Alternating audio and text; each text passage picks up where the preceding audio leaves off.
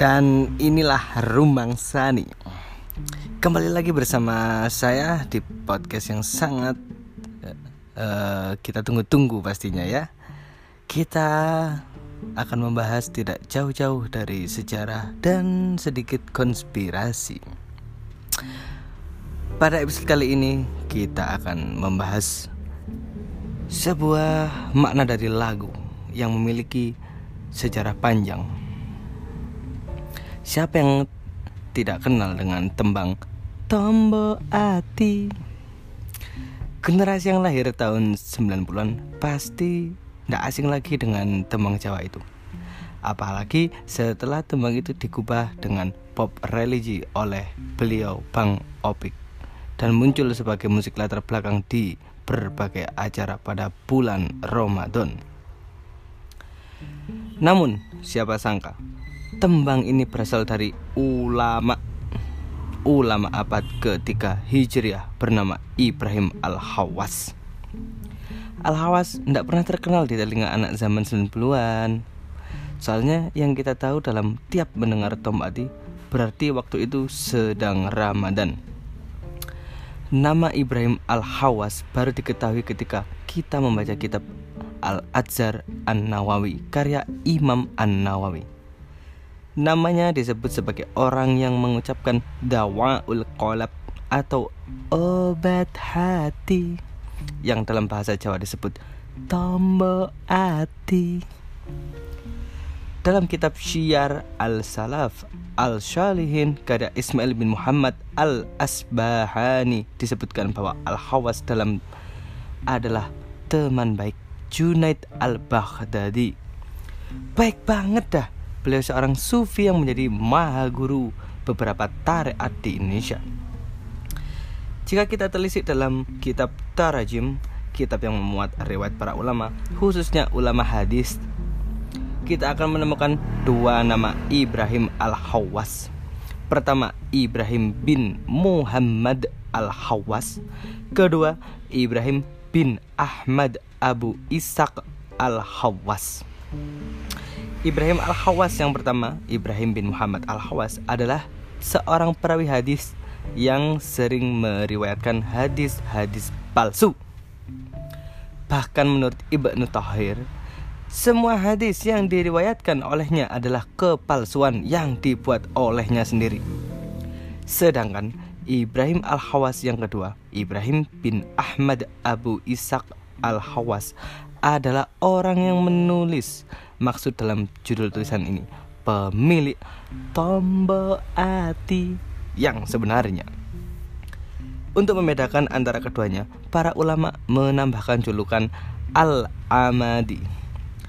Untuk Ibrahim Al-Hawas yang pertama sedangkan untuk Ibrahim Al-Hawas yang kedua para ulama menambahkan julukan Al-Zahid atau Al-Sufi. Ibrahim Al-Hawas Al-Zahid memiliki banyak majelis. Ia sering kali bepergian ke Mekah. Al-Hawas disebut-sebut sebagai tetuanya Masyayikh Tarekat. Salah dua muridnya yang terkenal adalah Ja'far Al-Khuldi dan Abu Bakar Abu Bakar Al-Rozi. Karamanya adalah ia pernah didatangi Nabi Khidir. Saat itu Nabi Khidir ingin berteman bersamanya. Namun ia takut merusak rahasia kepercayaan Nabi Khidir kepadanya. Nabi Khidir beliau tolak dengan cara bijak coy. Emang level beliau ini bukan sekelas ulama yang muter-muter monas. Maksudnya, ia takut jika kebersamaannya dengan Nabi Khidir membuat Nabi Khidir tahu keburukannya. Sehingga keburukan itu dapat merusak kepercayaannya. Karena itu, ia memutuskan hubungannya. Kisah ini ia ceritakan kepada muridnya Al-Khuldi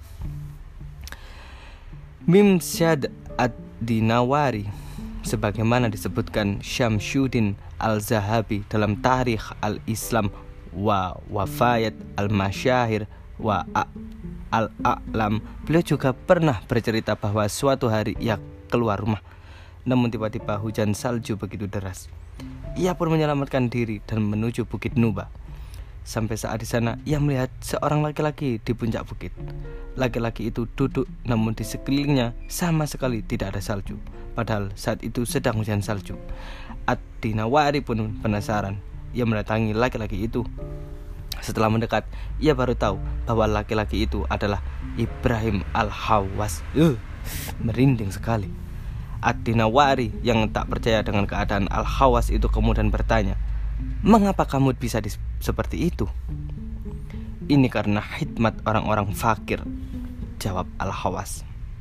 Selain diakui memiliki banyak karomah, Ibrahim Al-Hawas juga memiliki banyak kata mutiara.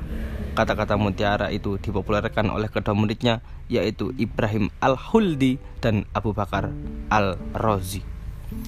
Salah satunya adalah Obat hati Itu lima perkaranya Membaca Quran dengan merenunginya Tadabur mengosongkan perut, puasa, menegakkan malam dengan beribadah, berzikir khusyuk di waktu sahur dan bergaul dengan orang-orang saleh. Kata mutiara inilah yang sering kita ingat sebagai tombo ati yang biasa kita dengar di sela-sela azan dan iqomah. Di amalan-amalan jalan juga sering kita dengar sebagai pertanda berlangsungnya bulan Ramadan. Terkadang kita juga sering dengar lantunan tombak hati dengan versi koplo dan masih banyak lagi kata mutiara yang tercap dari tutur kata beliau Al-Hawas ini. Beberapa di antaranya dapat ditemukan dalam kitab Syiar Al-Salaf Al-Shalihin karya Ismail bin Muhammad Al-Ashbahani. Al-Hawas meninggal pada tahun 291 Hijriah di Masjid Jami Kota Roy.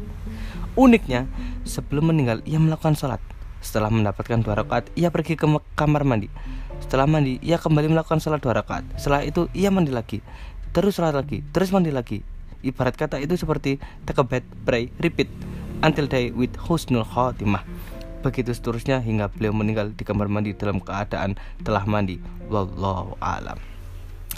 Itulah hadirin yang sangat kita bisa renungi dan kita teladani betapa mulianya seorang ulama beneran yang menciptakan sebuah pepeling atau quotes yaitu mengenai tentang lantunan lagu Tombok Hati kalau zaman sekarang ya. Baik, itu saja dari kami. Nanti minggu-minggu depan kita akan sambung menyambung lagi dengan episode yang terbaru lagi. Dan inilah Rumang Sani.